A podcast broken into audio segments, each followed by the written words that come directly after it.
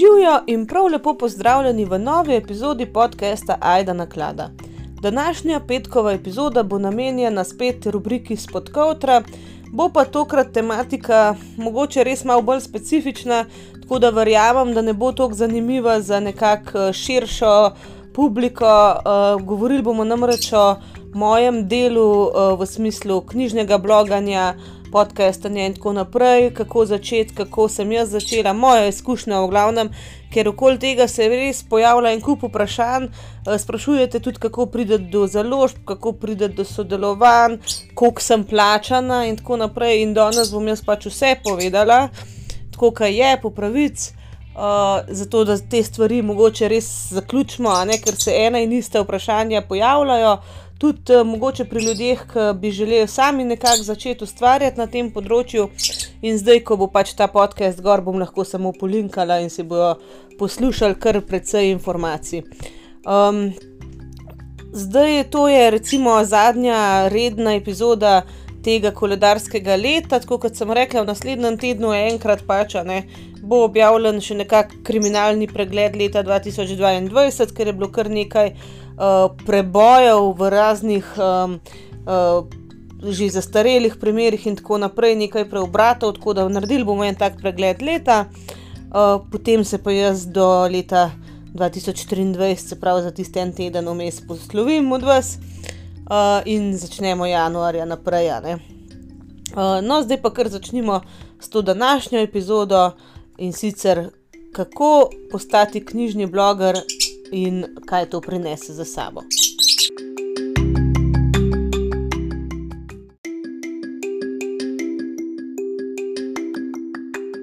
No, glede te tematike, o kateri bomo danes govorili, sem jaz odprla okence za vprašanja na Instagramu in um, bom v bistvu tekom tega mojega pripovedovanja, nakladanja, v glavnem, uh, tudi na nje odgovorila. Um, najprej pa naj začnem v bistvu s tem, kako sem jaz to resnici začela. Eh, zdaj, tisti, ki ste poslušali epizodo o branju, ste že slišali, da v bistvu jaz sploh nisem vedela, kaj delam na začetku, ker nisem sploh vedela, da ta celotna skupnost obstaja. Ne, jaz sem si zadala tisti moj svoj letni cilj, ne, se pravi 20 eh, ali 25 knjig v letu 2020, da preberem in pač jaz rabim nekam si to beležiti, ker nisem lih. Um, imela še takrat nekako vzpostavljenega nekega, ne vem, bralnega dnevnika ali pa kar koli, za tistih načrtovanih 20 knjig, sem se odločila, da si bom pač v highlight, v zavihak na Instagramu, uh, storije s temi knjigami spravljala in sicer storije, uh, sliko knjige, ocena, a ne. Mogoče včasih kratko mnenje, ampak to je bilo res čistko, čist bedno, slika tako na polici, cka, ne, to je to. Uh, Uh, potem sem počasi začela objavljati to tudi na feed, ne se pravi kot fotografijo z nekim opisom, ampak še zdaleč to ni bil opis uh, v smislu neke recenzije. Je pa usporedno že tekel v bistvu blog, ki pa je bil resnici namenjen um, moji evidenci. Se pravi, tista recenzija v narekovajih, ki je bila objavljena tam, je bila bolj zato, da jaz ne bom pozabila, zakaj se gre pri tej knjigi uh, pač kakšna je vsebina in tako naprej. Ker ne morete verjeti, ampak ko prebereš pač malo več knjig, ne, dejansko včasih že kar malo pozabiš, zakaj je šlo. Uh, predvsem imena, jo, ime, jaz recimo imena glavnih likov, jaz pozabim včasih že v prvem mesecu. No. Tako da uh, to ni nič tacga, ker ti več bereš, ja, ok, neke podrobnosti pozabiš, je pa v resnici res dobro, da si to nekam zapisuješ, mačkane vsebine, lih zato, da se pol nekako lažje spomniš. No? Zdaj, kako je do tega prišlo, jaz mislim, da sem pol počasi našla pač te punce, ki že so blogale prej. Uh, vem, da je bila med prvimi izposojevalka besed, se pravi Barbara, uh, Buknjiga, Urška, uh, literarna lekarna Alenka. Uh, one mislim, da so bile prve tri nekako. Vem, da so takrat čist na začetku že tudi z Barbaro nekaj četale o tem, ker sem jaz prav napisala, joj, sploh nisem vedela, da je cel svet kle takšen. Uh, gospodična knjiga je bila takrat še. V glavnem, tako res uh, sem našla te profile, no potem se je pa to začelo rahlo razvijati in uh, to sem že tudi v prejšnji epizodi povedala o branju, da potem me je pa Urška povabila na um, predstavitev knjige Meseca pri založbi Učila In tam sem spoznala potem še Najo, pesem ptic, pa um, Moniko, vom po knjigah, Patricijo na valovih vrstic. Um, smo se nekako malo povezali, uh, pol sem pa naredila v bistvu prvi tak orang video, unboxing za na YouTube, unboxing te nove, a ne knjižne škatle. Uh, ta video je bil kar priljubljen, mislim, da ga je še celo revija marketing. Um, Um, ali ne vem, neka revija, vem, da ga je delila. V glavnem, uh, in tako se je v bistvu potem vse razvilno. Uh, pol sem pa že začela z nekimi projekti, uh, ne vem, 25 uh, knjigoslastic je bilo takrat v, um, v decembru, pol knjigozauri so se že začeli, ampak to je bilo še zelo na nižjem nivoju. No. Se mi zdi, da v letu 2021 se je zadeva vseeno malo premaknila, uh, tako je pa bilo letos, pa v resnici še ni bilo. No. Ampak se to je načeloma prav, ne, da iz leta v leto čelo ukraste. Tako da um, zdaj eno vprašanje, no, ki sem ga dobila je bilo, kako začeti in kako izstopati iz množice. In jaz bom tako rekla, začeti, sam začni. Kako začeti je zelo težko reči. Zdaj nekateri pač ustvarijo dodaten knjižni profil, ki imajo že pač oseben profil. Uh, jaz, recimo, moj oseben profil ni bil tako zelo uh, aktiven, da jim rečem, in sem ga samo preoblikovala nekako v knjižni profil, pa začela objavljati knjižne vsebine. Uh, Uh, drugače, nekateri so potem poleg svojega profila naredili še knjižnega. Jaz bi rekla, samo začnite. Zdaj smo prišli nekako v eno obdobje nekega pehanja za nekim kobajagi, perfekcionizmom, ki pa v resnici, zdaj moramo reči, nima nobene veze. Ne? Vse kvaliteta vsebine je se, sigurno uh, pomembna. Ne? Jaz sem vseeno zelo za tem, no, da. Um, da je treba dati neko kvalitetno vsebino ven, ampak ko ti začneš, ti pač sam deli, sam delaj neki, objavljaj neki, uh, pa ne se um, nekako. Zelo pomemben je, da nimaš nobenih ciljev, pa ne nobenih ciljev, um, ti postavi cilje za sebe kaj boš ti naredil, kaj boš imel ti od tega, ker ciljev za druge, recimo, koliko boš imel followerjev, bla, bla, si, je, si ne moreš postaviti, ker ne veš, kam bo šlo. Uh, nikoli ne moreš predvideti, kako boš dobil followerje, a jih boš, a jih ne boš, a boš priljubljen. Med sledilci ali ne boš, ni v bistvu recepta. Ne? In če si boš ti zadal cilj, v tok pa tok časa bo imel tok pa tok sledilcev, zna biti, da boš razočaran. Um, to te pa lahko kar dosti zabije. No. In je škoda, ker pač eh, veliko ljudi je obupal, pa so bili dobri, zato ker pač sledilci niso rasli, ne številke niso rasle. Sam mi se moramo zavedati, da knjižni trg oziroma trg. Um, Skupina bralcev, da jim rečem, je veliko manjša kot skupina uh, potencijalnih sledilcev za lifestyle influencerje. Recimo, In rec, jaz imam trenutno ne vem, koliko 4500, sploh ne vem, koliko imam sledilcev, čak se bom takoj pogledala. Um, oh, 4650, 51 sledilcev imam v tem trenutku, meni se zdi to kar velika številka, ker če vemo, da je recimo zelo dobra naklada knjige 1000 ne, izvodov. Če imaš ti tukaj le 4000 bralcev, je to štirikratna naklada ene knjige. Ne.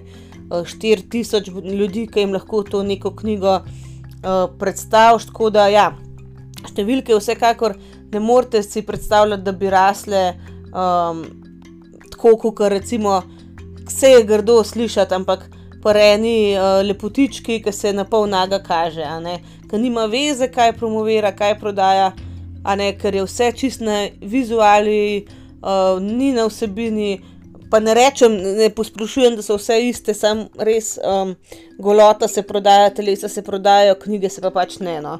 In tudi dejstvo je, da Instagram, vse nekateri mi to vedno negirajo, ko to izpostavljam, da to ni res in tako naprej, ampak dobesedno pač. Um, So naredili raziskave, da dejansko knjige toliko manj denarja prenašajo, da Instagram algoritmi pač knjižne vsebine ne jih tlačijo, ne aktivno tlačijo dol, ampak jih ne rinejo naprej. In če rinejo pač druge stvari naprej, ne, so pač knjige vedno nekje na, v ozadju. Zdaj tudi, recimo, če si pogledate tam predlagane vsebine na Instagramu, jaz sledim, lajkam in tako naprej, skoraj izključno knjižne profile. Pa mi tam nikoli ne predlaga neke knjižne vsebine. Ne? Zaradi tega, ker enostavno se ne splača nikomur uh, knjig naprej tlačati. Tako da vi si ne morete niti želeti, da bi recimo Instagram kot platforma sam uh, karkoli naredil za vas. Ne?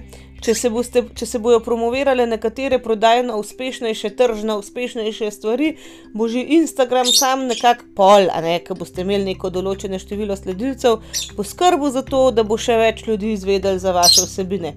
Pri knjigah morate pa za vse to skrbeti sami. Ne? In potem še drugi del vprašanja, kako izstopati iz množice. Ne? To je pa recimo, jaz imam dosti srečo, da sem jaz začela prvič nisem vedela, kva delam, tako da nisem imela pričakovanj, to je bilo res full dobro. Drugo pa takrat še ni bilo tako veliko knjižnih blogerjev. Bile so te odprej, ki jih jaz izjemno spoštujem, recimo Ivana Djakovič, uh, bo knjiga izposojevalka besed, literarna lekarna, tukaj sem že pač naštela. Um, Potem smo se pa pojavili nekako te malo zdaj nove, ampak moram reči, da v tistem letu, v 2020, nekaj je bil ta COVID, pa karantene, uh, se je veliko, veliko nekih profilov pojavilo, ki jih zdaj ni več, ki so potem izginili, zato ker v, v to gre vse en tok dela, da moraš biti za to. Mislim, more, more ti biti všeč, če želiš pač sploh, da se ti da. Ampak kako izstopati, recimo, ko sem jaz začela, niti ni bil tok problem. Ker nas ni bilo veliko, ampak zdaj na tej točki je pa že težava, da moraš pač izstopati, če želiš neke večje številke dobiti. Uh, jaz sicer še vedno mislim, da izstopaš lahko tudi s kvaliteto vsebin, ampak žal vemo, ne, da sploh na socialnih omrežjih to velikrat ni več dovolj. Uh, jaz bom zdaj rekla en zelo klišejski stavek, ampak jaz mislim, da najbolj izstopaš, če si kar si. Zaradi tega, ker recimo že moj sam ime bloga ne, je nastal v resnici čist po nesreč, ker sem v tistem času v bistvu prerodila, kako ne rečem, svoj YouTube kanal, zaradi tega, ker sem na njega nalagala vsebine za svoje učence. V tistem času je namreč potekalo šolanje nadaljavo in uh, veliko vsebin sem jim snemala, ker pač učim uč otroke s posebnimi potrebami. In um, sem pač nalagala na YouTube kanal, ki sem mu prej rekel, kar neki pač ajda, pa en kupenih cifr. Uh, in sem rekel, ok, neki more biti, ne, neki malo bolj tako pač nek ime kanala. In glede na to, da sem tam nakladala o raznih temah za moje učence, sem si nadela ime Aida naklada. Uh, in potem, aj, če je to na YouTubu, sem si mislila, da bom dala pa še na Instagramu to ime in to je kar ustala. Ne? Jaz nisem šla v to premišljeno, zdaj bo pa to nek brand, zdaj pa to skoraj blagovna znamka, kar tudi zdaj še vedno ne mislim, se ne poveličujem do te mere, da bi mislila, da je. Ampak v resnici je pač zdaj to ime postalo vseeno prepoznavno, mislim, ljudje vejo, koga najdejo za tem imenom. Povsod je zdaj to in Instagram, Facebook, spletna stran, YouTube kanal, TikTok, konc koncev, čeprav tam sem bolj šloh, uh, in podcast, ne, je povsod ajda naklada. In meni se zdi, da pač eh, na Ljubljana TV, ko sem tam gostovala, mislim, da je bilo leta 2021, um, so me vprašali, kako to, ne, ker nakladati, a ne ima vedno negativen prizvok, zakaj sem si to izbrala. Uh, in sem povedala čisto enostavno, da zato, ker pač jaz res rada govorim, veliko govorim in je že kdo kdaj ti navrže, a ne, jo, kva nakladaš. Ej, priznam, nakladam in v knjigah pač jaz res, res rada nakladam. In če bom v štartu povedala, kdo sem in kaj počnem, točno vejo, kaj bojo na profilu dobili. Malo je šaljivo in še neki ta reč totalno izstopa. Ne, takrat se je pojavil nek trend zelo um, spevnih imen, pa recimo veliko uh, uh, nekako izpeljan besede knjiga, besede branje, kukorkola. Uh, to je pa čist neki tredga. Ne. Kar je minus recimo mojega imena. Uh, oziroma, imena mojega profila je to, da v ničemer ne povem, da govorim o knjigah. Tako da, ja, je, so plusi in minusi, ampak ker sem pač dala neki, okoli česa se jaz nisem ukvarjala, a bo priljubljeno, a bo prepoznavno, a bo izstopalo, je v resnici naredil ravno to. No. In jaz mislim, da če si avtentičen in če si kar si, kukar je to klišejsko. Da boš najbolj izstopil, no? ker veliko preveč je že profilov, ki izgledajo vsi enaki, um, ki imajo vsi enake vsebine. Um, tako da, ja, Jaz mislim, da pač to na ta način izstopaš, pa da pač si avtentičen v vsem, kar delaš. In uh, tudi glede, kar se knjig tiče, da si realen v svojih ocenah knjig, uh, ker na ta način v bistvu pridobiš pol sledilce, tudi ki ti zaupajo glede tvojega mnenja. Zdaj, kar se mnen tiče, je zelo težko karkoli pameten biti, ker mnenja si res lahko nasprotujejo. V bistvu pravijo, da oseb, dve osebe ne prebereta iste knjige. Pač mi prenesemo, tako kot vsako, recimo, razmerje, odnos, prenesemo tudi v odnos s knjigo neko svojo prtlago, neke svoje predispozicije. Ne?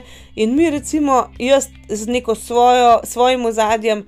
Eno knjigo berem čist, čist drugače, kot en drug z nekim drugačnim ozadjem. Ampak, recimo, tukaj, mislim, so tudi, pa tudi pomembne same preference, glede žanra, glede stila in tako naprej. Ampak, če boš ti vedno realen in realno ocenjeval in tako naprej, povedal realno mnenje, bodo ljudje hitro ugotovili, kakšne stvari so te pošeč. In ko boš ti bil tok časa, tok sam sebi zvest, da boš dejansko se ljudem v ta pravi luči pokazal, se bojo najdel ljudje, ki bojo pač ne točen take knjige imeli radi, ki jih imaš recimo tirat in ti bojo zaradi tega sledili, ti bojo zaupali. In jaz recimo vem, da pri meni, še enkrat bom rekla, tako kot sem že v prejšnjem podkastu. Recimo, romance so moja um, najšipkejša točka, v smislu, da najmanj o njih vem. Ne? In recimo ljudje, ki berajo zelo, zelo radi romance, nimajo pri meni sploh kaj iskati v resnici.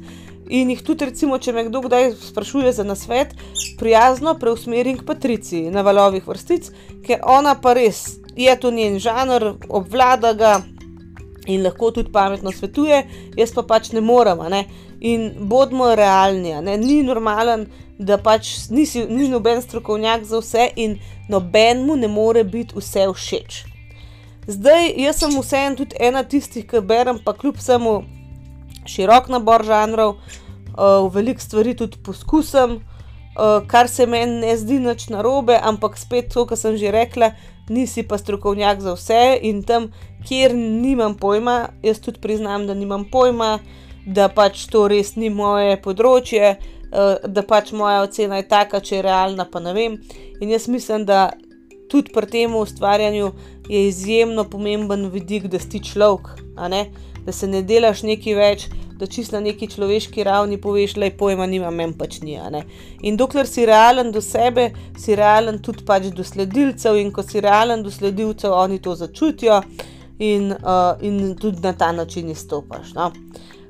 No, zdaj pa eno vprašanje, ki se kar doskrat uh, pač pojavi. Uh, in sicer, kaj je vse, vse vsebina dela knjižnega blogerja in koliko časa tisto vzame v primerjavi z 8-urnim delom. Uh, to vprašanje je tako malo. Um, to ni moja služba. Zdaj najprej moram to poudariti, ker nekaterim to še vedno ni jasno. Jaz svojo službo imam, to je moj hobi. Uh, in tudi ne bi nikoli želela, niti da je to moja služba. Pa je, da sem bila to ena redkih, ki sem za en prispevek Eh, na ta vprašanje tako odgovorila, da velik bi si jih čist želeli, da to postaje njihov poklic, ampak pri meni to nikakor ni tako. Jaz imam službo, ki jo imam zelo rada eh, in veliko energije v njo vložim, in vsekakor ne želim, da to postane še ena služba zraven. Eh, kar se tiče 8-urnega delovnika, tudi to težko ocenim, ker je že moja primarna služba. Takšna, da ima fleksibilen delovni čas. Uh, jaz sem učiteljica otrok s posebnimi potrebami, kar pomeni, da imam toliko in toliko ur um, pouka na teden, potem je še toliko ur določenih za priprave, za sestanke in tako naprej. Um, veliko ur moram pa še narediti, pač dodatno za to, da, da sem lahko doma, pol poleti pa med počitnicami, a ne to, to ljudem ni čist jasno, da mi nismo kar vse čas lahko doma, ampak moraš vnaprej pač toliko več ur narediti, da si pač ti lahko doma, kar vsebuje recimo razne projekte, nadomeščanja, um, dodatne zadolžitve. Recimo jaz imam v službi čez PR naše šole, je s tem nekaj dela. V glavnem, in moj delovnik že v službi je zelo razgiban. Zdaj jaz sem. Recimo, ljudje mislijo, če si v enih koncih, uh, wow, si že ob dveh doma in je to to.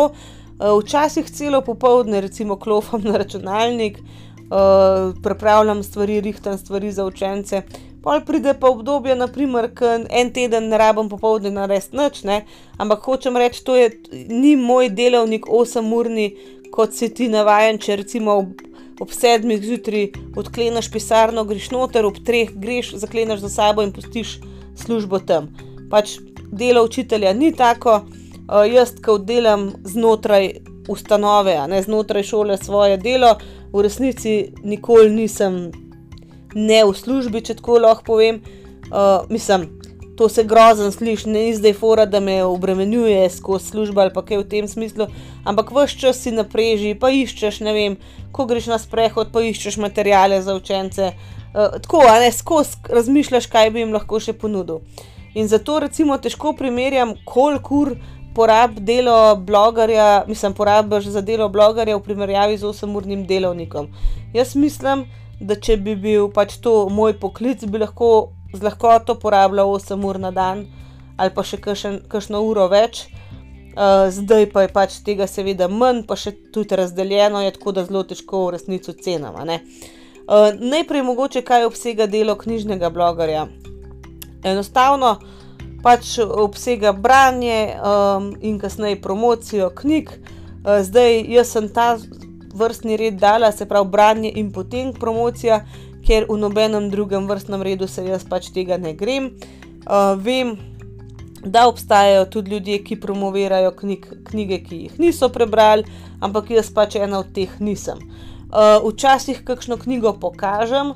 Uh, mislim, recimo, a ne knjiga pride po pošti, uh, jo še nisem prebrala, vendar le pač pokažem, da je išla, da je neka novost, ampak nikoli ne bom pač stvari hvalila ali pa na kakršen koli način promovirala, dokler je ne sprobam sama, se pravi, ne preberem uh, in tako naprej. Zdaj mi vemo, ne, da za branje knjige človek porabi različno veliko časa, to je odvisno od knjige, od bralj, bralnih navad osebe in tako naprej. Tako da recimo za branje ene knjige pač porabim toliko časa kot ga. Uh, težko zdaj ocenim, koliko ur recimo porabiš, to, to je zelo res težko reči. Jaz mislim, recimo mož z imenom Move, um, pf, kaj jaz vem, 6-7 ur, mogoče če sem 5-6, nimam pojma, ne? ker nikoli ne berem v enem kosu, kaj je to po delih. Ampak ja, pač nekaj ur porabiš, uh, potem pa kaj je še recimo jaz konkretno, ne, knjigo preberem, uh, jo fotografiram uh, in dam objavo na Instagram. Zdaj, odkar je tako slab obisk spletne strani, um, jaz nekako uh, celotno recenzijo, celotno mnenje objavim že na Instagram, da pač si ga ljudje vsaj tam preberejo. Zdaj, ko rečem tako slab obisk, a ne, sej niso majhne številke, ampak vidim, da recimo res na um, spletni strani ni toliko prometa, kot bi si ga človek želel, ker enostavno ljudje nimajo več kapacitet, da bi šli, ne vem, če so že na nekem socialnem omrežju, da bi šli pol še na eno drugo polinkano stran, še tam neki brali. V glavnem, prijetnejše, lažje je, če to naredijo že na Instagramu, no? ampak seveda na neki točki moram dati tudi na blog. Uh, pač to objavo, ampak tukaj sem pa vedno v zaostanku. Jaz mislim, da sem zdaj tam nekje pri oktobrskih branjih, kar je kar grozen. Uh, upam, da bom pač do, um, do konca koledarskega leta ujela ne, objave na blogu, da pa lahko z novim letom na sveže začnem. Uh, kaj še potem pa še zraven?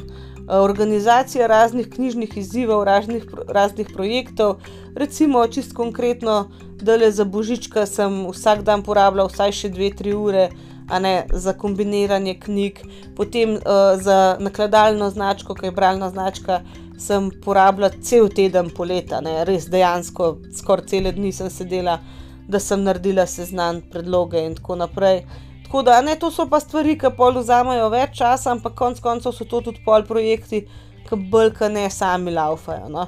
Najnapornejši so v bistvu taki projekti, kot je naprimer um, Booktober, ki je vsak dan objava, ki jo je treba napisati. Sicer jaz to skupno pač fotografiram, vse fotke, ki jih bom rabila, ampak objavo je treba sprot napisati, žrebati je treba vsak dan za prejšnji dan. Ne? To ni tako zelo malo dela. No? Uh, če bi pa želela se s tem prav res ukvarjati, uh, so pa še pol druge stvari, ne loviti najboljši odziven čas uh, sledilcev, redne objave. Ne, jaz, recimo, zdaj trenutno, ne, jaz nimam nobenega urnika objav, kar bi bilo sicer za pridobivanje recimo publike, ne občinstva, zelo, zelo pametno, ne, da bi pogledala. Aha, Ta dan, to uro je tukaj le največ prometa in takrat pač dala objavo, ampak meni se to ne lupa. Ne. Jaz, ko stvar preberem, jo slikam, tako jo objavim in to je to. Uh, ker, ja, enostavno, tako kot sem rekla, pač to ni moja služba, ne želim, da postane. Jaz ne mislim biti niti sužnja teh um, nekakšnih uh, omrežij, teh vsebin in objavim takrat, ko objavim. Tako da, ja, dela ni tako zelo mal, težko pa pač, a ne. Uh, Komentiram, kako je v primerjavi z osamurnim delovnikom, ki ga že, ga že itek pač nimam v tej obliki. No? Potem je še vprašanje, če, te, če me to delo kdaj utruja, vzame preveč časa in energije. Ko me bo začelo utrujati, pa je imeti preveč časa in energije, bom jaz s tem nehala. Ne? Zato sem tudi, recimo, velikokrat že rekla, ker so mi ljudje, vem, rekli, ja, pa da se dogovor, da za plačano sodelovanje. Uh, velikokrat sem zavrnila pač plačila samo zato, ker sem imela vedno občutek, da bom s tem, ko sprejmem plačilo, sprejela tudi pogoje, ki jih bo postavila ne stranka, ampak uh, pač partner v tem dogovoru. In jaz ne želim biti omejena z nekimi roki, pogoji in tako naprej, dokdaj moram kaj narediti, kaj moram narediti. Ker, kot sem rekla, pač moja služba ima dovolj dela, dovolj energije mi jemlje, um, da ne rabim še nečesa, kar bi me praznila. Tako da, dokler je to meni v veselje, bom jaz to počela. Uh, ko bo meni to rado, ne vem, grozen ali pa obremenjujoče, pač tega ne bom več počela. Je pa tako, da včasih pa, grejo pa te stvari z roko v roki. Naprimer, knjižni božiček je izjemno, izjemno lep projekt. Res, to je tako, da ti prav vrne nekako vero v ljudi, uh, ki vidiš, kako se za popolne neznance potrudijo. Ne? Ampak po drugi strani je bilo pa no, letos veliko manj, ne? Tega je bilo lani veliko več, ampak ogromen tega ki mi je šla energija za čist brez veze, ker ljudje ne preberejo navodil. Naprimer, ena stvar, da jim rečem, ne vem. Vse naslove prejmete do 3.12., ne boste prejeli vseh naenkrat, ker kombiniran sproti. To je pisalo vsaj na treh mestih, pa sem dobila dnevno, ne vem, pet sporočil, um, a ostalih naslovov pa ne bom dobila, ker jih še nisem. Vse to se vam zdi mogoče butast, da mi je to obremenjujoče, ampak res je, ne? to so stvari, ki ti jemljajo nepotrebno energijo v stvarih, ki ti že tako dajo veliko dela. In zato tudi zdaj sem že malo sitna, rantala pa vedno napišem, recimo, preberite navodila, pa še enkrat preberite, preden me nekaj vprašate. No? Izredno rada se sledilci pogovarjam, sodelujem, recimo, ki mi pišete kaj ampak včasih pač enostavno ne morem več iste stvari, ne vem, stotič povedati, če piše tam že trikrat. No. Tako da to mene včasih moti, pa, pa nekako ta brezbrižn, brezbrižnost ljudi, pa ta, um, kako bi rekel človek, um, miselnost, da so vsi upravičeni do tega, da se ti z njimi ful ukvarjaš. Pa meni se res zdi, jaz oseba, ki se dovolj ukvarja svojimi sledilci, ampak na eni točki moram jaz tudi reči: stop, pač ne bom se več. No? Ker eni ljudje pač čist preveč ene pozornosti zahtevajo. Uh, in ne morem, ne? če vas je 4500, pa tudi če vas samo, samo 500 jih je aktivnih, ali pa ne se jih je več, ampak tako govorim, ne primer. Če bi jih bilo samo 500 aktivnih, da jih vseh 500 neumnosti sprašuje, a ne pač res, res gre nepotrebna energija. In uh, v bistvu tudi zaradi tega sem jaz tudi malo strožja ratala pri projektih. Recimo pri Booktobru sem dala dokaj stroga navodila, mislim, stroga. Pogoje, recimo, uh, rekla sem, da ne upoštevam eno besednih odgovorov na vprašanja. Pač ta projekt je namenjen ne samo temu, da jaz talam nagrade, ampak tudi temu, da se pogovarjamo o knjigah in enostavno uh, sodelovan uh, v stilu sodelujem, sledim in tako naprej, ne upoštevam. Ne? Zahtevam, da če se jaz toliko potrudim za nek projekt, da pač vsaj sodelujoči, vsaj z nekim daljšim odgovorom, um, neko spoštovanje pokažejo. No? Potem eno zelo dobro vprašanje je bilo, če imam že vnaprej pripravljen studio za fotke. Um, to se je recimo spremenilo ne, od leta 2020, ko sem začela. Takrat sem za vsako fotko nekako iskala neke propse, neke rekvizite, uh, ki so imeli kakršno koli vezo pač z vsebino knjige. Potem sem se pa jaz, ne vem, mislim, da 2021 polet odločila, da nekako um, profil dobi neko enotno podobo in zdaj v bistvu v zadje menjam vsak letni čas. Trenutno je pač ta bela, ne vem, kako je en tepih, bela preproga, pa storži, posušene pomaranče, ta bo pač zimska, prej smo imeli jesensko s tistim listjem in tako naprej. Uh, mogoče te slike niso potem preveč izverne, ne, ker je v bistvu vsaka enaka, samo knjiga se menja, ampak na ta način nekako ti dobiš spet neko prepoznavnost, ne, ker ljudje neko fotko vidijo, že takoj vejo, da je tvoja, um, pa ulajšaš vse delo. Jaz imam, nimam seveda študija, ker pač halo, itak nimam študija, ampak naprimer uh, imam pripravljeno to preprogico s temi rekviziti, ko knjigo preberem, bum, dam na, na ta set, v bistvu uh, poslikam in je to to. Ne? In mi vzame absolutno manj časa in na tej točki, ki imam toliko več dela že s tem je na take stvari res dobro gledati. No. Potem še eno vprašanje, če se je moja bralna kondicija zaradi objav spremenila. Ja, pa ne, um, pač seveda berem občutno več kot sem včasih. Um, mogoče me včasih objave spodbudijo tudi v tem smislu, če že dolg nisem več objavljala, jo je rabim nekaj za objaviti, uh, pa potem nekaj preberem, se mačkam bolj prisilim nekaj prebrati, zato da pač lahko um, objavim kaj, čeprav v resnici čist konkretno uh, to ne gre, ne? da bi se jaz prsila nekaj prebrati, je ne mogoče, ker ko je pri meni neki nasilo, ni, ne? sploh mi, mi ne gre. Ampak ja, mogoče ena zunanja motivacija je pa tudi to, da moraš pač pol nekaj objaviti. Ne? Uh, je pa pol včasih lih zaradi tega, ker moraš nekaj objaviti. Tudi, ker še bralni mrk več, ne? kot pa če ne bi bila z nekimi zunanjimi dejavniki obremenjena. Um, potem pa eno zelo zanimivo vprašanje, če se mi zdi, da se založbe in avtori dovolj zavedajo vrednosti knjižnih blogerjev pri, pri prom promociji. Če dalje bolje je, um, jaz vidim res, če dalje več sodelovanj z založbami, pa tudi jaz zdaj na tej točki, recimo, če me pokliče neka knjiga, če mi je všeč, uh, še vedno grem velikrat, ve večinoma pač v trgovino, pa jo kupam. Ampak uh, do zdaj, recimo, sem že nekajkrat uh, napisala založbi, oj, to pa to me zanima, aj imate mogoče na voljo recenzijski izvod. In jaz ne vem, če se je kdo kdaj negativno odzval. Ne? Če sem pač prosila za izvod, sem ga še vedno dobila.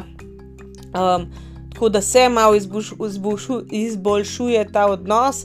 Tudi nekatere mačkam večje založbe so že začele nas kontaktirati, povezovati v razne projekte ampak nažalost uh, še vseeno tiste največje pa res nimajo nekakšnega interesa. Tudi recimo na preteklem knjižnem sejmu smo bili čist uh, popolnoma spregledani blogeri, kot da nas ni. Uh, pa ne da bi karkoli rabili, ampak uh, se mi zdi, da smo kar en pomemben del promocije, oziroma promocije, take ta prave promocije. Ne? Mi res naredimo vtise z nekimi knjigami, drugače je to narediti en, ne vem, televizijski oglas ali pa da ti nekdo, ki zaupaš njegovemu mnenju, pove, da je nekaj dobro. No, tako da uh, prav založbe se če, še ne zavedajo čist, uh, je pa seveda situacija veliko boljša, kot je bila. Uh, avtori, recimo, predvsem samo založniki, se pa že kar zavedajo, uh, veliko je ponudb, uh, uh, veliko sodelujemo, tako da ja. No. Uh, tudi, recimo, vedno so bili avtori odprti za sodelovanje, če sem, recimo, um, če sem recimo prosila za intervju in tako naprej. Tako da ja, zadeva vsekakor se izboljšuje. Um, potem pa še eno vprašanje je bilo, da če, če sem pod pritiskom, uh, če, recimo, če mi založbe pošljajo knjigo, da jo moram prebrati. Ne.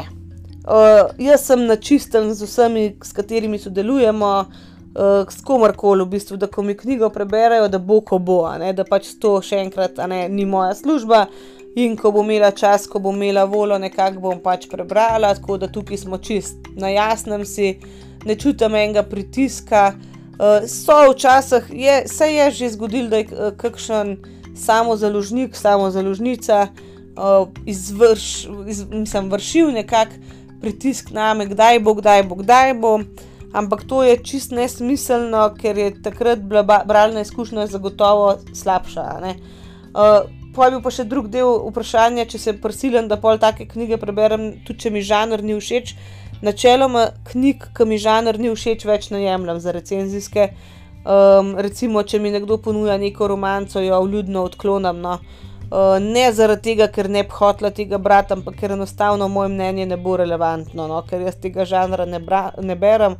Tako da zdaj vsakič, ko mi nekaj ponudijo, grem pogooglati, kaj to je. Uh, a mi pa še mi zgleda nekako nekaj, kar bi bilo meni všeč, in potem na podlagi tega jaz zadevo sprejmem ali pač zavrnem. Um, zdaj sem jih danes ugotavljala, da že zelo dolgo nisem dala kakšne slabše ocene, recimo pod tri sploha. Ne? Enostavno zato, ker sem ratala toliko bolj selektivna glede tega, kaj berem, kaj sprejemam v branje. In ja, se mi zdi to kar prav, pa fair za vse, in za me, in za tistega, ki mi knjigo pač pošlje. No, zdaj pa tisto najbolj pereče vprašanje, če smo knjižni blogeri plačani. Um, jaz težko govorim zdaj uh, za vse, ker vem, da smo zelo različni, da nekateri sicer tudi računajo, to so ljudje, ki imajo pač firme za to odprte, jaz je nimam, recimo, um, in uh, nikdar nisem še postavila jaz cene, so mi že ponudili plačilo, velikrat sem ga zavrnila. Uh, več ali manj pla, plačajo, v narekovajih, a ne v kakšnih izvodih knjig. Uh, moram pa tukaj še enkrat poudariti, no, ker to ljudem ni čisto jasno, da recenzijski izvod ni plačilo. Recenzijski izvod je v bistvu samo material, s katerim ti lahko sploh delaš. Če ga ne bi imel, ne moreš narediti v tej knjigi nič. Se pravi, ne more ti nekdo s tem plačati za delo, ki si ga upravil um, pa tudi ne, izvodi pač ne plačajo položen, sorry, čeprav sem jaz za pač izvode res uh, iskreno hvaležna, sam pač to ni enako plačilo. Plačilo bi bilo, če dobiš nek honorar za to, kar si upravil, za neko promocijo, ki si jo upravil. In moram povedati, da sem recimo v tej jeseni sprejela prvo plačano delo, prvo promocijo, ki so mi jo plačali. Uh, dobila sem 100 evrov za tisto promocijo, evo vam ti direkt povem. Ne bom vam pa povedala, za katero založbo in za katero knjigo gre, pa me zanima, če boste vi sami ugotovili. Če greste na moj profil, katera knjiga je bila tista, ki je bila plačana, promovirana. Evo, me zanima, če boste ugotovili, ker večina ne ugotovi, ker jaz nisem tiste knjige nič bolj hvalila, kot bi jo sicer, nič bolj promovirala, ker se mi ne bi zdelo to fair, pa nekako. Uh, kako naj rečem. Ni, eh, ne, ne prenesem jaz ljudi, pri katerih se točem vidi, da temu je pa dal več pozornosti, zato ker je plačana. Ne? In jaz pač taka nisem, tako da evo, pejte pogledat, pa povejte mi, katera. Recimo od septembra dalje, kjer objava je bila plačana, če me zanima, če bo kdorkoli od vas to ugotovil. No, zdaj in to plačilo, recimo, to je to, ne, kar sem jaz nekako v denarju dobila. Uh, moram vam pa povedati, recimo, da knjižno bloganje je precej drag špas. Uh, jaz, recimo, že za domeno plačam vem, 8 evrov na mesec, 12 evrov na mesec dajem za Canvo, Pro, ker jo tako uporabljam pač za blog in za Instagram in za vse. Uh, potem uh, letno gostovanje, mislim, da je 20 evrov na leto, uh, pol je seveda, kakšne knjige kupuješ. To je hitro, recimo, že samo gostovanje in te aplikacije, pa to, kar rabiš, je recimo na leto 150 evrov, da ne govorim, koliko damo za knjige, ki jih kupujemo, pa promoviramo potem za stona. Ne? Tako da vsekakor zaradi neke denarne koristi, jaz ne vem, če greš lahko v to. No. Um, pa tudi zelo pogosto vprašanje je, če lahko realno v bistvu oceniš nekaj, kar si dobil kot recenzijski izvod ali pa plačan. Lahko vam povem, da ja, um, jaz sem najslabši v življenju ocenila knjigo, ki je bila recenzijski izvod, ampak meni se zdi bolj pomembno, da si fair, a ne da nisi pač nesramen v oceni, da si konstruktiven, da poveš nekaj, kar bi avtorju, če bi to oceno bral, recimo prišlo prav, da bo naslednjič boljši. ne v smislu, jaz sem pa da boljša kot ti in vem, ampak ne. Vseeno je očitno hotel neko tvoje mnenje in da jim ga podaj vsaj realno. No. Tako da, ja, ne, kar se plačil tiče, zdaj veste, jih ni praktično, vsaj pri meni ne, ne, če so pa pač pri drugih, pa čist prav bi bilo, da bi bili, bile, um, sem bila plačila, ampak pri meni jih pač ni. No. Zdaj, kar se bloganja tiče, bi bilo to to, v naslednjem segmentu bom pa samo nekaj še povedala, nekaj malga o podkastu.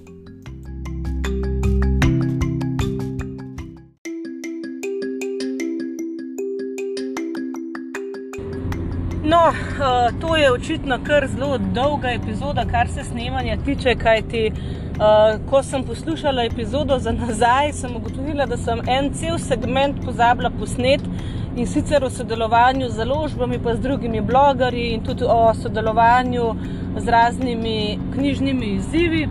Zdaj tole epizodo, jaz sem prepričana, da v zadju slišite, snemam v avtomobilu.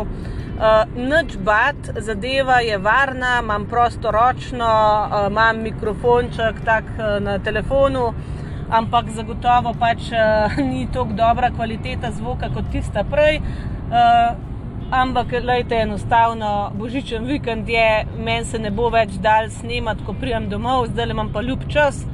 Tako da, evo, spodkovtra pa za avto je tale epizoda. To bi bila čisto komod epizoda, evo, iz avta, ker v avtu imam jaz res skoraj dve ure na dan časa, mrzkaj se mi po glavi plete in ne bi bilo nič hudega, če bi kaj od tega posnela. Tako da, uh, ja, kar se tiče sodelovanj z drugimi blogerji, uh, jaz moram reči, da slovenska knjižno-blogerska skupnost je kar, kar dobro povezana, sicer se že kažejo ena ne razhajanja, ker to je napačna beseda, ker takoj, ko rečeš, da so neka razhajanja, ne, ljudje to vzamajo kot da je nek krek, kot da je neka razprtija, da se ne razumemo, ampak ni res. No. Samo da recimo. Um, Povežemo se bolj s tistimi, ki smo si bliže, ker tudi bolj uh, podobne knjige beremo.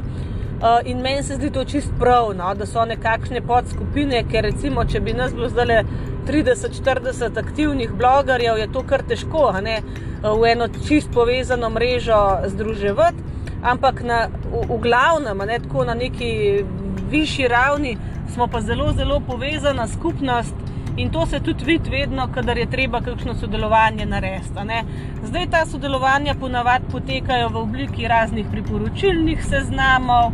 Recimo, eh, zdaj pred kratkim je recimo zbirala Monika vom po knjigah. Eh, seznam eh, decembrske praznične literature, potem Barbara, izposojevalka besed, je zbirala seznam decembrske literature za najmlajše in do zadnje strani Sandra, ki sem jo prej čisto pozabila omeniti med tistimi staroselkami, da jim rečem, med tistimi, ki so, bliži, so bile res veliki profili. Že preden sem jaz začela, um, ona pri tem bingu svojem, letos je bil samo poletni, sicer zimskega ni, ampak ona vedno povaba ne ostale blogerke, da podamo svoje predloge in tako naprej. In to se meni zdi res super, uh, da se vidi, da na ta način nekako tudi ena, ena drugo podpremo. Um, zelo fair se mi zdi tudi, da ko neko, nekdo od nas ne vem, eno knjigo predlaga, uh, jo izpostavi prvi, recimo tukaj se gre seveda za manj znane knjige, da potem drugi, ki to delijo, tudi povejo, kje so dobili, da jo um, povejo, kdo jim je dal ta predlog. Zato, ker v bistvu, kot sem rekla, ne, sama platforma našega ustvarjanja ne prav dobro podpira. Uh, in če se še med sabo ne bi podpirali, smo pa zaključili zadevo. Ne. V glavnem, um, jaz recimo uh, zelo cenim ljudi, ki znajo dati zasluge tam, kjer je zasluge potrebno dati takšna je recimo Ana, uh, mama in Ljubljana profil. Ona sicer ni čist knjižni profil, čeprav je če dalje bolj. Ona ima recimo zdaj nov knjižni klub, Bralna usedlina. In um, je v tem mesecu brala s svojimi članicami kluba uh, knjigo Kuri Pastir, Ferija Lanščka, ki sem jo jaz, če se spomnite, v koncu leta 2020 vsakmu turila pod nos, ker je res super knjiga. Uh, in ona je mene tudi vprašala za kakšne predloge, povedala je, kakšno tematiko približno si za svoj knjižni klub predstavlja. In sem jaz takrat videla, da recimo Kuri Pastir bi bil čist primeren. Ona je knjigo prebrala, bila navdušena in jo je dejansko uvrstila. In uh, je bila tudi povabljena v oddajo Sedma stran na Radio Slovenija, kjer sem jaz tudi že gostovala. No? Uh, in je govorila o točno tej knjigi, meni je bilo tako, vse sem vedela, da bo, ker mi je povedala, da bo omenila. Ampak, ko sem jaz to oddajo poslušala, pa je ona tako na radiju pač povedala, ki je dubljal predlog. Je bilo meni izjemno lepo, zaradi tega, ker to ni samo umevno. To ni samo umevno. Nekaterim ljudem je to res težko narediti, ne povedati uh, konkretno, od koga so nek predlog dobili. Jaz ne vem, kaj te to stane, če daš nekomu malo pozornosti, če si jo zaslužiš. Ampak ja, eni ljudje imajo s tem res kar težave. In enako je tudi pri drugih idejah, ne samo pri bralnih predlogih. Recimo, um, vemo, da Sandrin Bingo je meni tako OG. Mislim, to je meni nekako, ne vem, če je bil prvi to vrstni knjižni bingo, ampak pač prvi, s katerim sem se jaz srečala.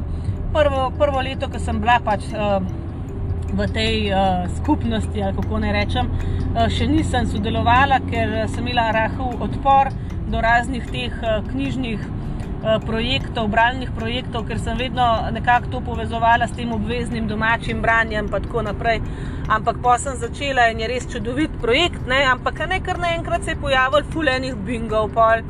Zdaj ne govorim, recimo Katarina, Katin mala pošast, ona ima pošastni bingo zdaj le v uh, mesecu decembru, ampak je čist drugače zastavljen. Uh, so drugačne naloge, ni knjižni in tako naprej, ampak kar jaz vem. No, Uh, mislim, da mi je Katarina rekla, da je dejansko Sandri povedala, da je tudi pol, vem, da je tudi objavila, da je bila Sandra navdih za to. Ne, to se mi zdi res lepo, pa tudi lepo se mi zdi, da če že prevzameš neko idejo, ne, da potem svoj, svojo različico te ideje vsaj dobro spelaš. Uh, zelo malo stvari na spletu, eh, pa sploh v taki nišni eh, skupini ljudi, eh, je lahko še v bistvu čist izvernih, bodimo realni. Ampak, če že nekaj narediš, ki ni čist, čist izverno, bodi vsaj izveren pri tem, da daš zadevi en svoj pečat. Recimo, Timi, Timi z Bookshelf.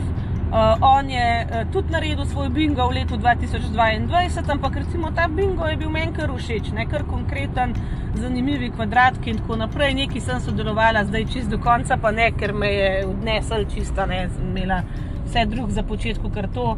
Ampak ja, ne pač, da je pol po se vsaj toliko potrudiš, da izpelješ idejo na nekem nivoju. Ne. Um, zdaj, nek, meni se tudi zdi, da se glede teh projektov ustvarja en kup nepotrebne drame, ki ne izhaja recimo iz ustvarjalcev samih. Jaz se spomnim prvo leto, ko sem zasnovala knjižnega skrivnega božička. To je bilo uh, dve leti nazaj, to ni nič novega, to ni nova ideja. Secret Santa je, lej, a ne. Pač ideja, ki kroži toliko in toliko časa, ampak jaz sem jo pač samo dala v knjižno obliko, pa mogoče tudi to, da jaz recimo poparčkam knjigo po žanru s tistim, ki bi jo rad bral, eh, je meni se zdi dobra ideja. Ne? In potem, recimo, v decembru smo to izpeljali, eh, potem hiter januarja, oziroma po novem letu, je imela pa Patricija na valovih vrstic svojo prvo uh, izmenjevalnico knjižno, kar je v resnici ista stvar, ne bodimo pošteni. Ampak jaz, recimo, meni se ni nič to zdelo čuden, sporen, kar koli. Res je zelo dobro to zasnovala. Uh, tudi čist druge sledilce imamo mi dve, uh, ker beremo pač druge stvari.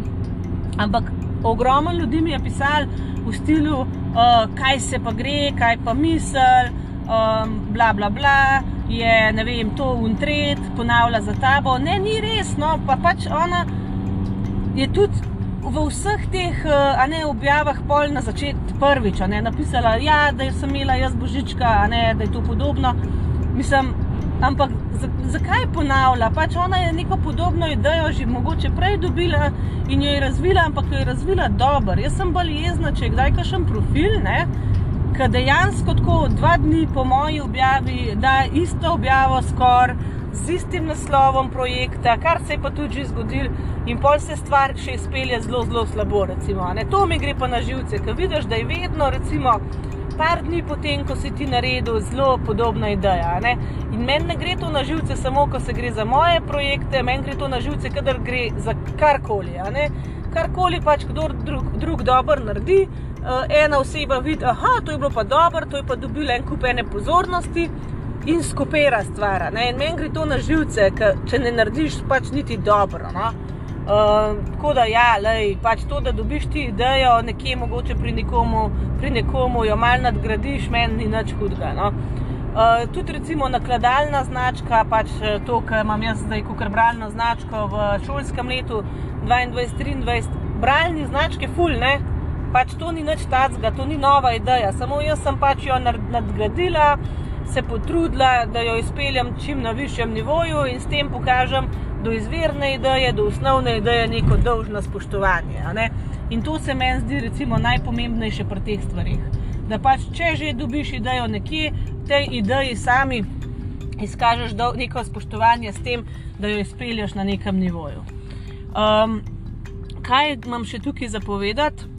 Ja, še to sem hotela reči. Ja, da pri vseh teh projektih je v resnici zelo, zelo pomembno tudi to, da imaš spoštovanje do soustvarjalcev tudi v tej meri, da se z njimi pogovarjaš o stvarih, ki so načrtovane, pa ne zdaj v tem smislu, da bi mogli zdaj en drugmu račune polagati, kdo bo kdaj kaj imel, ampak recimo s Patricijo smo se lani prav pogovarjali, aha, boš imela ti.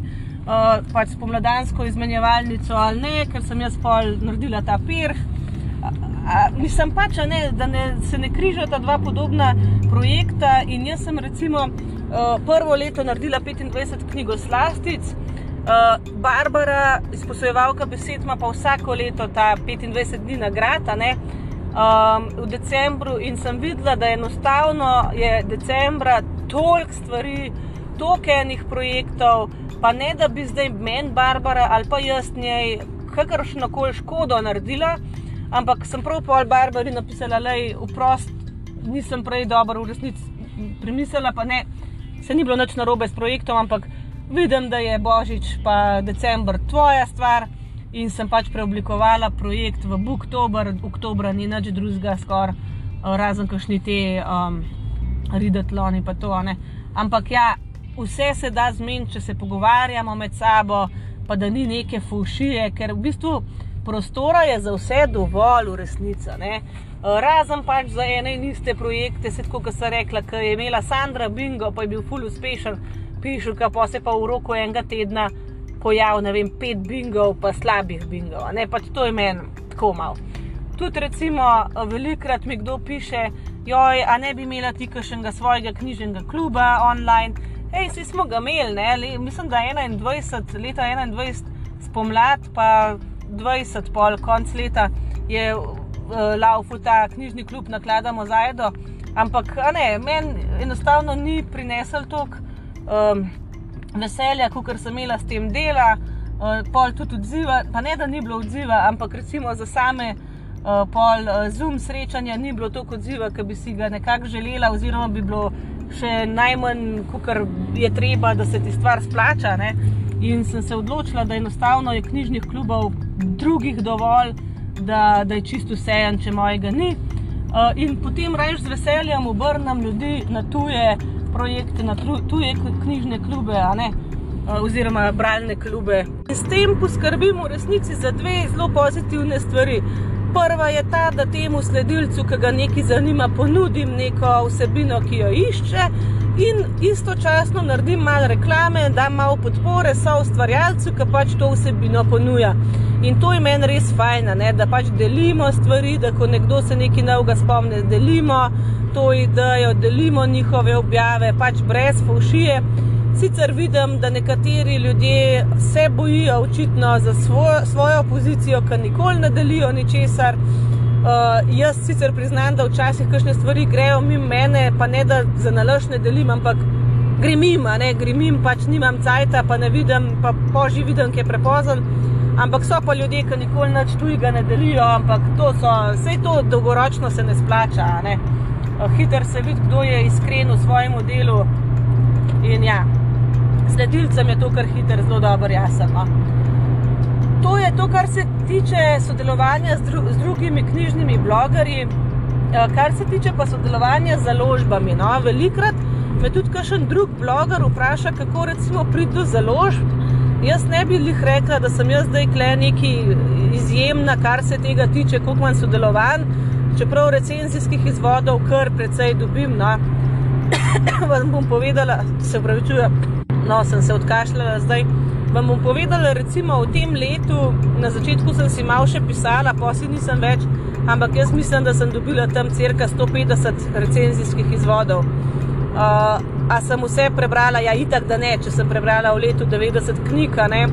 Um, na kak način jih pa dobim? No? Uh, to, recimo, vam pa lahko kar konkretno odgovorim.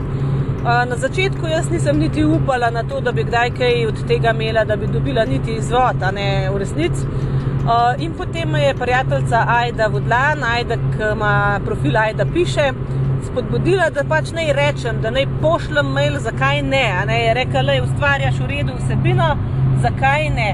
In takrat uh, sem v bistvu zaradi tega, ker sem začela ustvarjati uh, rubriko Knjigo Zauri, se pravi za otroško literaturo, um, poslala založba mail, uh, da sem učiteljica otrok s posebnimi potrebami, ker sem se začela zdaj ukvarjati s tem pa s tem in bi na, bom na svojem profilu nekako predstavljala tudi kvalitetno otroško literaturo in mladinsko. In če imajo kaj za predstaviti, kaj za pokazati, mi lahko pošljajo na ta in ta naslov. To je bilo meni takrat, jaz vam povem, zato sem jaz rabila ogromen poguma zbrati, ampak se je zelo dobro obrestovali in takrat sem navezala stike recimo založbo Morfem, Škrat, Socian, Video, z ogromen nekimi založbami, dobila tudi izvode. Uh, bom pa nekaj rekla, kaj imam jaz od teh izvodov.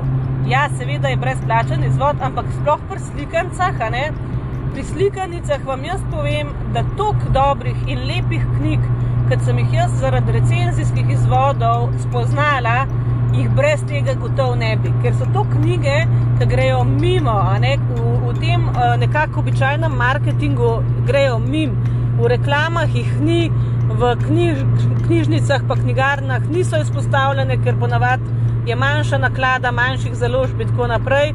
In res je to super način, da pač založbe predstavijo svoje delo širši množici. In tudi, recimo, konkretno vam lahko povem, knjiga Mogoče, Kobi Amada, založba BP, branje povezuje. Recimo, to je knjiga, ki sem jo jaz v narekovajih, seveda, prodala največ ker kdorkoli skoraj vpraša za kakšno darilno knjigo, ki bi jo lahko pač dal za kjerkoli skoraj priložnost, rečem to in res sodelavk je en kup kupol že to knjigo, pa jo podarili za najrazličnejše priložnosti. Tako da ne, res, res se tudi založbam lahko to zelo splača.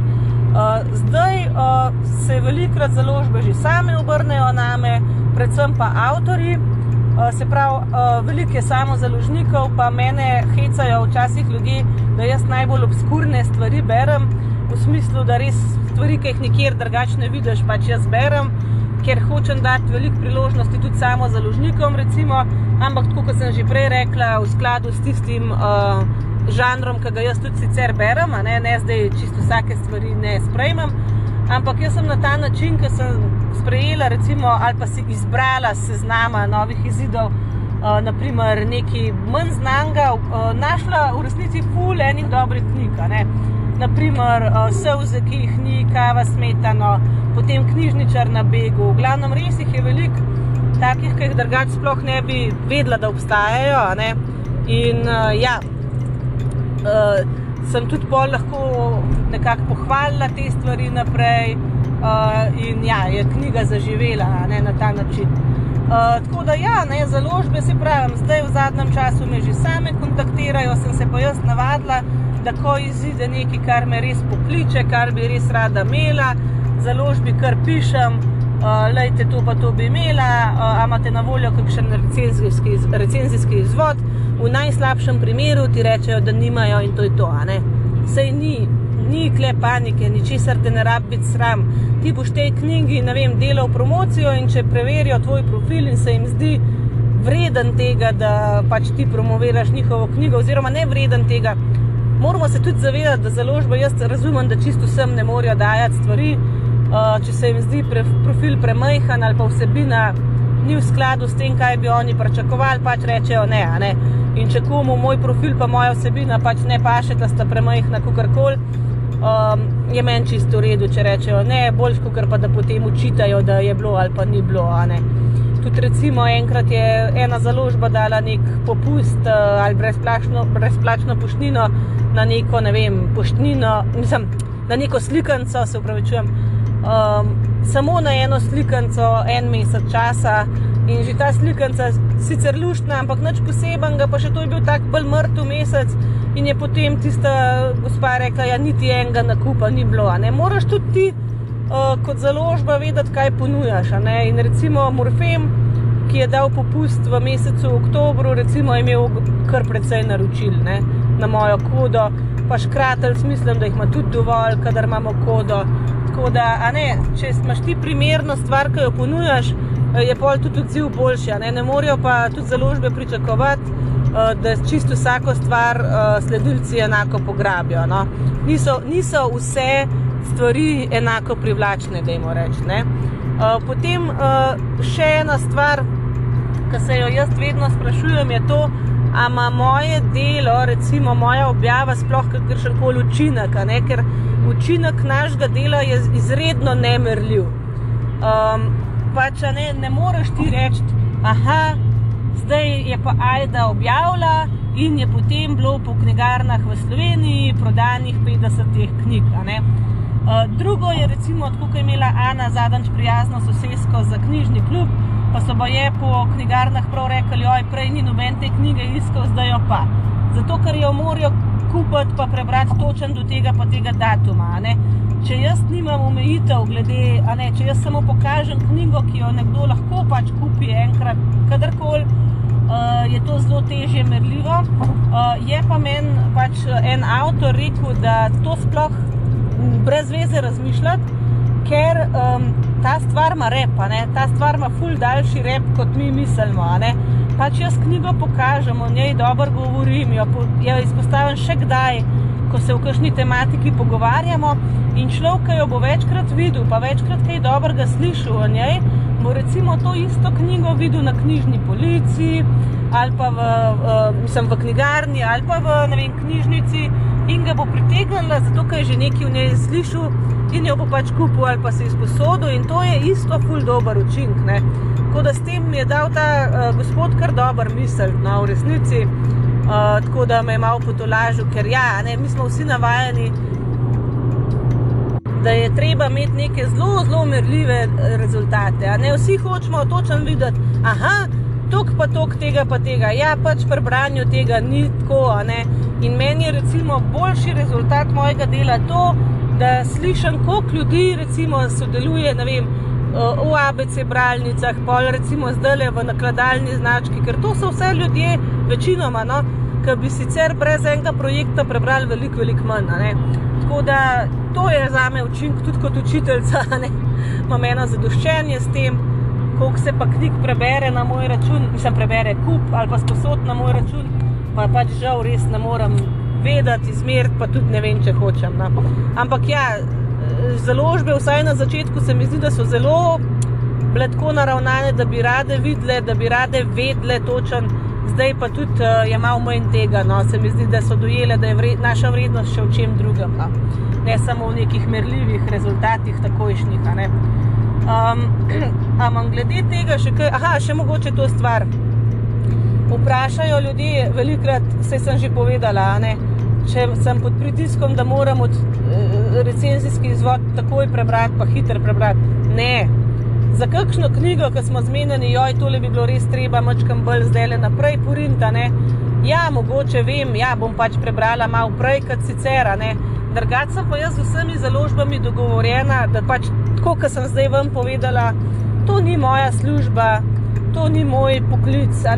Jaz nimam vsega časa samo za to, ko bom, bom, sem tudi zelo razpoloženski bralec. Tako da uh, včasih me knjiga ne pokliče tako, in me pokliče čez eno leto, ampak vse vseeno, vse v knjigarni, v knjigarni bo najbrž čakala tudi eno leto kasneje.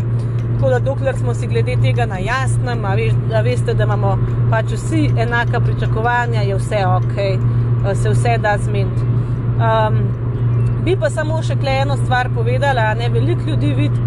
Wow, dobiš toliko stvari za ston, kako je to dobro, in mislijo, da za to ni nič dela.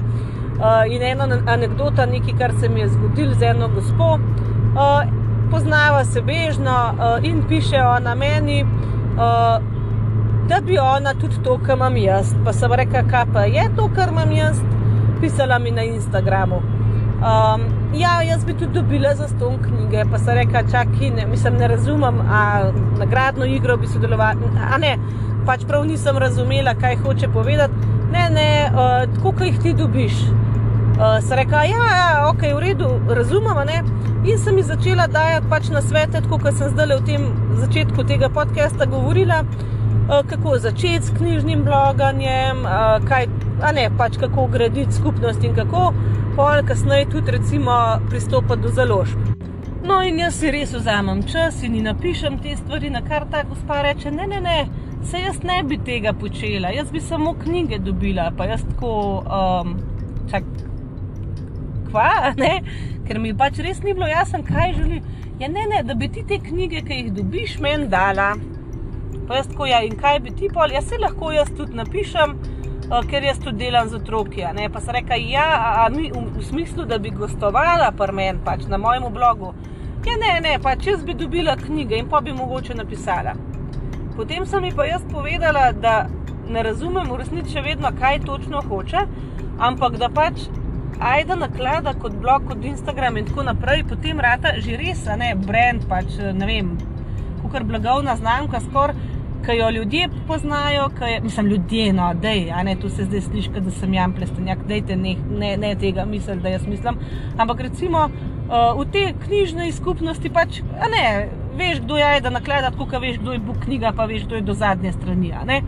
In se reka, ne, da za tem je velik dela, da ti prideš do neke točke, da je tvoje ime pač sploh karkoli.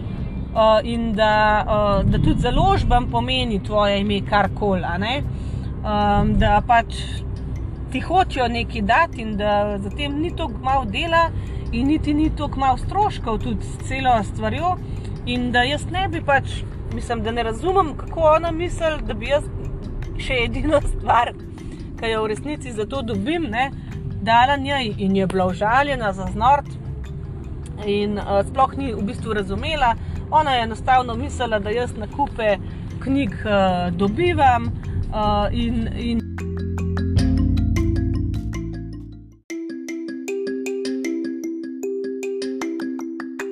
No, po nesreči sem prekinila snemanje, zato bo tole v dveh delih, tale segment iz avta, v glavnem, sam da zaključim v bistvu glede te gospe. Um, ona je bila pač žaljena in potem je začela kar deliti na svete, kaj in kako bi jaz morala te stvari početi, in da ona bi povedala tudi, kaj ni dobro, in izpostavila knjige, ki niso dobre.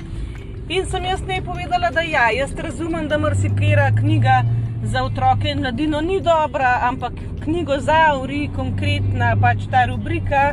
Je namenjena kvalitetni otroški in mladinski literaturi, in zato izpostavljam samo dobro. Ja, pa veš, koliko ni dobro. Se reka, ja, prav, prav. Ampak pač to ni ta rubrika. Ne, za odraslo literaturo vse povem, mislim, za vsako, ki jo preberem, povem svoje mnenje. In če ni dobro, povem, da ni dobro. Pri knjigozavrih pa želim izpostavljati in dati pozornost samo tistemu, kar je res v redu.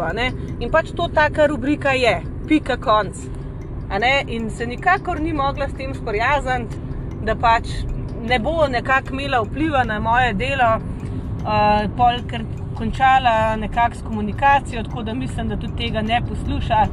Če slučajno kdo od vas misli, da si to ti, uh, nisi ti, uh, noben, v bistvu o komer govorim, razen te, ki sem jih z imenom imenovala, itak, ampak kdorkoli drug se prepozna v kakršnem koli opisu, zagotovo nisi ti, ker sem toliko priredila, da se ne moreš prepoznati. Ne?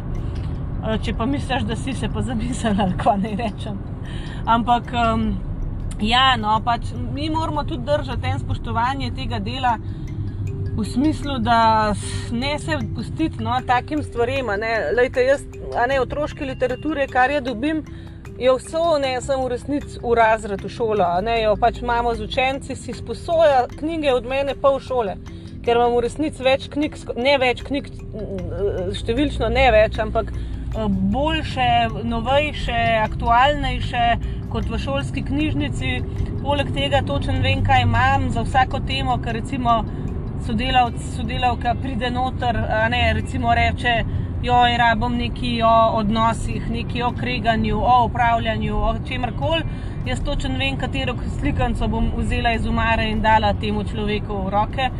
Ne, tako da pač te slikance, ki pridejo k meni, verjemite mi, so v uporabi, uh, služijo namenu in vsekakor uh, ne mislim jaz teh stvari, ki jih lahko rečem, zaslužim uh, svojim delom, uh, talati na okoljno. Vse imam dovolj nekih nagradnih iger, ampak da bom pa nekomu dajala, ker on bi tudi to, a ne on bi, ona bi imela pač korist, a, mogoče bi kaj napisala, a, ampak tako, da ne bi imela s tem nobenega dela. Ne, da pač imam jaz delo, jaz sem gradila to neko skupnost, a, pa neko svoje ime, ona bi pa to zdaj, a ne, pobrala nekako koristi. Ne pač tako ne gre. In pri takih stvarih je treba jasno mejo potegniti, ampak se mislim, da je bil to eno samljen primer, da tega res ni veliko. No. Da bi pač, ja, da bi tako ljudje skušali, ne vem, no, nekaj za sebe vam potegniti. No. To je to v resnici, zdaj pa mislim, da sem vse povedala, počasi se bom parkirala, obupna kvaliteta zvoka bo najbrž, ne. Uh, ampak se pravi, če še avto od zadaj pota, jaz mislim, da drugače ne more biti, pa da mi tudi uh, oprostite tole. Uh, sej, zastopili se bo pa že, kva hočem povedati. Ojoj, zdaj je šel nasproti en avto, čist počasi se voz, not je pa čist zakajen, ampak uno čist zakajen, kot da eni džanki noter, uh, mislim, ne džanki, pač eni zapohanci to je bilo kar smešen, drugače samo upam, da so prišli, mislim, da so sposobni za voziti. Ok, to nima veze zdaj. Uh, no, sej ta avto, ki sem ga pa zdaj le srečala, je bilo pa mestno redarstvo. In še dobro, ne, da imam prosto ročno telefoniranje in upravljanje z mobilnim telefonom. Tako da zdaj pa pojmo naprej na tisto, kar sem posnela že včeraj. Oziroma ne včeraj, do na zjutraj, kar sem včeraj posnela, ste že slišali.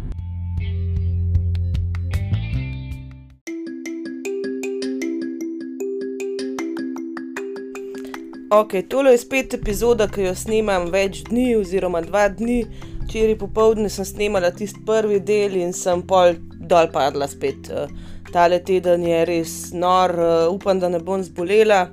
Na glasu se mi najbrž malo pozna, da mogoče vse kaj paca ali pa sem pač samo utrujena, se ne vem. No.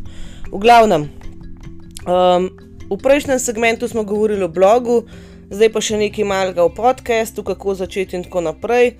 Uh, jaz bi dala isti na svet kot z blogom. Če mislite, da imate karkoli pametnega za povedati, sam povejte, sam začnite. Zdaj to ne pomeni, da jaz mislim, da to, kar jaz gledam, govorim, je karkoli pametnega. Um, kako sem jaz začela, zato mi je bilo en popoldne dolg čas, uh, čist po pravici povedano. Prva epizoda je bila, se ne vem, mislim, da od Godlerja, nimam pojma. Ampak um, enkrat mi je bilo dolg, če sem se rekel, kaj pa če bi probala nekaj posnet. In sem snimala v resnici še celo prvo, pa mislim, da še celo celo drugo sezono, kar prek telefona. A veste, zdaj imajo recimo sploh telefoni, računalniki niti ne, ampak telefoni imajo ugrajene že tako dobre mikrofone, da je bilo v resnici um, je bila zadeva čisto poslušljiva. Um, zdaj, ko za nazaj gledam, seveda slišim pač ne, um, razliko, pa tudi me moti, da je bila malo slabša kvaliteta, ker tudi zdaj, zdaj ni boh ved, kakšna kvaliteta, ampak zdaj imam vsaj mikrofon, um, kakšen pa to bom še povedala. Ampak um, ja, za začetek, samo to, da prebijete ta let. Pa vi kar začnite, ne pač naredite nekaj, dajte komu za poslušati, uh, da vidite, če imate sploh neko potencijalno poslušalstvo. Zdaj, skok poslušalci boste zadovoljni, je vaša stvar. Um, jaz sem stok, ki jih imam zadovoljna, čeprav so to izredno majhne številke, glede na kakšne bolj popularne podcaste. Ne, če bi se primerjala, če se tam pogovarjajo v tisočih poslušanj, se tukaj v pač stotinah pogovarjamo. Ampak um, jaz sem zadovoljna s tem poslušalstvom, zato ker je aktivno, ker se recimo vi tudi odzivate, ker mi skoraj za vsako epizodo kdo piše, komentira tam na Instagramu, debatiramo. In to je v resnici tisto, kar sem si jaz želela. Um, recimo True Crime je taka tematika, ki zdaj, zdaj je full bolj razširjena. Ampak recimo zelo dolg časa nisem imela nobenega, ki bi ga to tudi zanimalo. In recimo je bil podcast en tak outlet, če lahko rečem, uh, kjer sem jaz povedala te zgodbe, ki so meni bile zanimive, uh, pa ste pa vi kaj komentirali in tako naprej. In um, recimo um, sem delala to tudi zaradi sebe, ne, da sem mačkano raziskala stvari. Pa jaz sem tudi tak človek, ki rada raziskujem, ki rada kaj novega zvem. In to je bila ena taka stvar, ki me je prosila v to, da sem vsak teden eno ali dve temi dodatno raziskala, uh, podala sicer pol naprej, ampak s tem zase veliko naredila. Ok, tam če v enem morilcu veliko veš, je tako ne, nečkaj uporaben. Sam pa recimo te splošne teme, a ne so pa vedno fine, uh, ki imaš polen kupenih bedastih informacij. Uh, ki jih lahko, če ne drugega, na šiht med malce, kdaj poveš, vmes.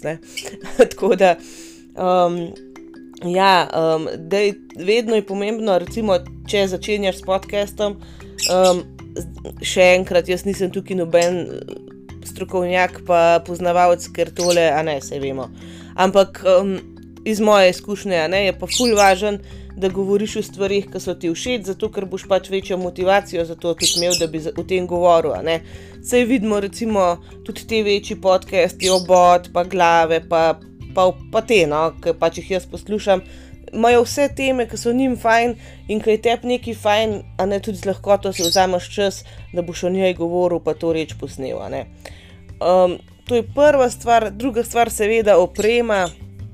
Tukaj pa sploh nimam kaj pametovati, ker čist realno vam povem, jaz uh, v opremo za snemanje ne vlagam nekih velikih denarjev, ker um, je to tudi stvar, ki mi nič v bistvu nazaj ne prenese, razen pač vašega zadovoljstva, mojega zadovoljstva, vaših odzivov in to je to.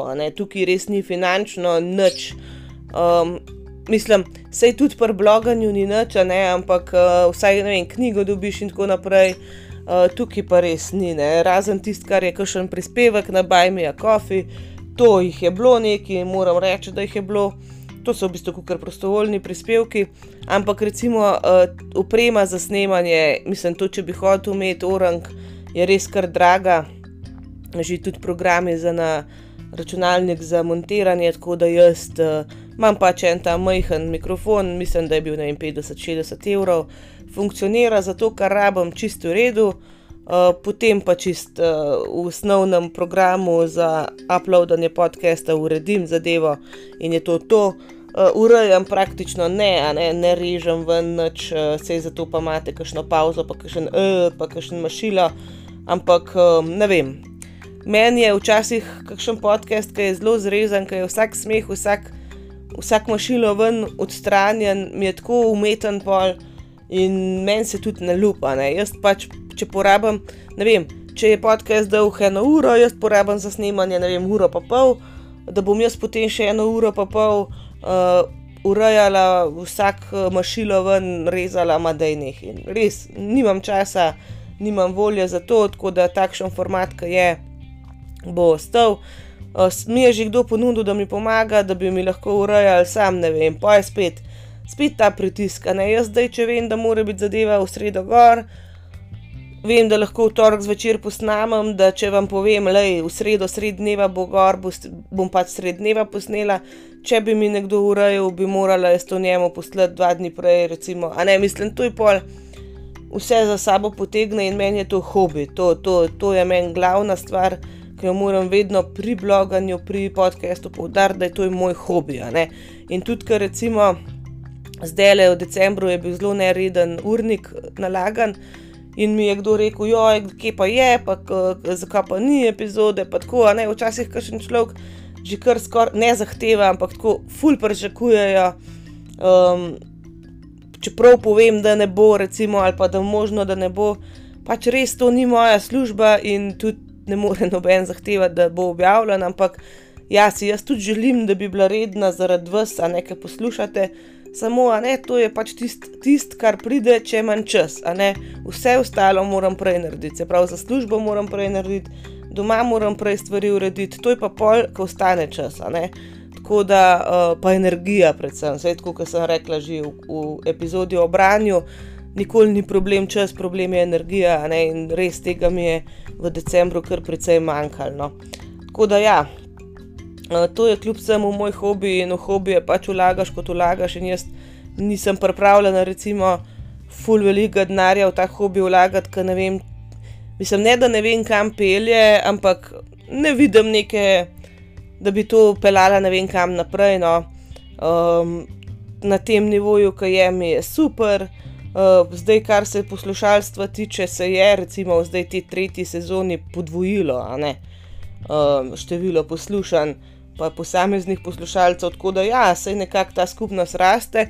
Je pa tudi res, ne, da te skupnosti res ne promoviram tako na, tako na veliko, oziroma podcasta, ker so tematike take, da tudi socialna omrežja imajo zelo strogo politiko, kar se tega tiče. Meni so na eni točki že skoraj v bistvu zablokirali ta glaven, ajda naklada profil, samo zato, ker sem enkrat objavljal te na bandija fotografijo, če bi vam pasal uh, o njem poslušati. Ne? Imeli smo, ja, ne, pač te bandi, ja, ne, mediji, ja, ne, ne. In samo to je bilo. In so mi um, zbrisali, upozorili, da, da nagovarjam, kako že je bilo, da nagovarjam k nasilju, pa k ustanovitvi kultov, pa da je kar neki bulšita. Ne? Pač vse, vse ostalo spleten nasilje se lahko širi, o tem recimo pa ne bi smeli govoriti. Uh, in zaradi tega sem potem vse podcast vsebine odstranila z glavnega profila in jih preselila na nov profil, ki je zaklenjen, ki tam pa načeloma ni umejitev. Če imaš ti zaprt profil, praktično skoraj vse lahko govoriš in, in kažeš, čeprav ne kažem ničesar, saj veste, da ne nobenih slik ali pa trupel ali pa karkoli, nikoli, nikoli ne kažem, ampak da ne smeš dati imena enega serijskega morilca, pa njegovega portreta, recimo, je meni bolano. No? Um, zdaj, to je itek vprašanje, kar se True Crime tiče. Zadnjič sem videla en članek o enem slovenskem, zelo glasnem, uh, mislim, zelo glasnem primeru, zelo znanem. Um, pač kako je bilo, kaj se je zgodilo, bla bla. In so bili odspod uh, komentarji, sicer to je bil Facebook, tako da so bile same majde, kot jim rečemo, ne, te starejše gospe. Uh, da zakaj se pogreva stare stvari, da pač to je to in tam ne ostane. Meni se, a ne govor o teh primerih, ne zdi pogrevanje starih stvari, ampak se mi zdi kar pomemben za razumevanje kriminala kot tazga, pa tudi razumevanje tega človeške narave. No? Jaz um, mislim, da je true crime lahko zelo koristen, ko se ga lotimo na ta pravi način. Se pravi, ne zdaj na, na, naslajanje, kaj se je zgodilo ule, kva je naredil. Eh, ampak kako je prišlo do tega, zakaj je en človek tak postal, kaj bi mogoče žrtve lahko predvidele, kaj bi žrtve lahko naredile. Uh, zdaj, recimo, pravijo, da je ta razmah Trukrajma veliko pripomogel uh, k preiskavi, preiskavi umorov, ne? ker um, ne toliko vzorcev imaš, in recimo um, priče določenih dogodkov točno vejo, kaj gledati. Pol, recimo, če bi ti na letu na um, prizorišče zločina, ne, če poslušaš ali pa gledaš toliko enih primerov uh, z področja Crime, točno veš, česa ne narediti. A ne, ne premikaj stvari, ne dotikaj se stvari, takoj pokliča. Ne. To je sigurno uh, ena pozitivna stran, je pa negativna stran, da pa tudi, seveda, uh, zločinci vejo, ne, na kaj morajo paziti, tako da se mogoče kdo lažje zmuzne čeprav so preiskovalci rekli, da to lih v teh časih, ki je DNK tako razvit, pa mislim, da ni lih stvar debate, no, da bi se res lahko tok naučili, da ga pol ne moreš dobiti, no, ampak ja, seveda jim je pa tudi njim lažje pol, ne. Če bi bilo nam lažje najti um, človeka, je tudi njim lažje ujitne. Um, tako da so plusi pa minusi, vsekakor jaz mislim, da ni to pogrevanje starih zadev, ampak zgodovina, iz katere se lahko učimo, če se hočemo. Ne? Če bomo pa mi uh, zatiskali si oči pred tem, da se stvari niso nikoli dogajale, um, nismo pa nič naredili. Ne? Razumem pa, da mrsikomu pač ta tematika ni blizu. uh, ker je zelo nišna zadeva, vsaj pred leti je bila, no zdaj se je bolj razmahnil tudi s temi raznimi dokumentarci, dokumentarnimi serijami in tako naprej. Ampak ja, razumem, da ni tematika za vsakogar, gotovo pa ni to stvar, ki bi jo mogel tlačiti nekam v, ne vem, v pozabo. No, še ena stvar pri podkastu so sodelovanja z drugimi. Um, recimo, imela sem že goste na podkastu, še jih bom imela, se že dogovarjamo za eno rubriko knjižno, je pa tukaj isti pomislek ali pa težava, kako koli hočete temu reči, da je v resnici ne spet, ne ko imaš gosta, je potrebno ful več časa prilagajanja in tega. In če, če nimaš časa, že komi, da imaš čas sam posnet, pol da boš posnel z gostom, gotovo ne boš imel cajt. Zaradi tega te stvari včasih malo počakajo, ampak pride. Ne? Velikrat je tudi vprašanje, zakaj ne snemam več slovenskih primerov, uh, veste, da tropca pa pluta sem uh, ostalih pa pač res ne, uh, iz enostavnega razloga, kjer so ljudje še živi, ki so bili upleteni, ali storilci, sumljenci in tako naprej, se jaz tega ne grem. No. Ker uh, na internetu, kot veste, je veliko stvari nepreverjenih in res ne želim imeti kakšnih uh, pravno-formalnih težav. Ne. Če poveš nekaj, kar ni res. Že itok se res trudim, da preverjam stvari na večjih koncih, pa še se zgodi, recimo, pri tujih primerih, govorim, da pol ugotovim, da je nekaj, kar sem jaz tule povedala, izmišljotina. Ker je enostavno, recimo, pri primeru Scotta Petersona, če se spomnite, ki je svojo nosečo ženo umoril, ne, um, je ena stvar, se sploh ne. A ja, um, to, da se je v bistvu uh, ta otroček ne, uh, rodil po smrti, kot ta uh, por, porod v zipki. Mislim, da sem jaz to povedala, ne ta coffin birth. Ne, Uh, ampak, čeprav ne, ali sem to povedala pri Krisu Watsu, v glavnem pri Krisu Watsu sem sigurno povedala, da je to bilo pri Scottu Petersonu, ne vem, samo recimo v full verih je, da se je to zgodilo, v resnici ni, ne? v resnici je pač otrok pol, ki se je truplo mame, a ne, raz, raz, že kar razkrojilo, kako koli se temu reče, pač je padel ven, ampak hočem reči, da v full verih je napačna informacija, ker je tudi na sodišču, recimo, mislim, da preiskovalca je kdo na robe to govoril, ne, ker so hoteli speljati drugam, ne zgodbo. In, in moraš res, res biti pazljiv. In če se gre pa za domač primer, če gre za domač primer, da bom to jaz nabijala v enem, ki je še na svetu, ki ve, kaj je bilo, pa kaj ni bilo, mislim, ne. No. Um, res mi ni, sej pravim, že za ljudi, ki nikoli ne bojo tega poslušali mi je mar, da poveš po pravici. Ampak, če so pa to ljudje, ki bi mogoče na nek način lahko to poslušali, se pa sploh ne grem. Tako da, uh, ja, ne. Za kakšne stare primere, ki že vse mi mogoče, ampak za te novejše, pa o tem sigurno ne bom govorila. No. Zdaj mislim, da je to to, no, da sem jaz v podkastu vse povedala, v blogu tudi, uh, in da lahko tole epizodo kar zaključim.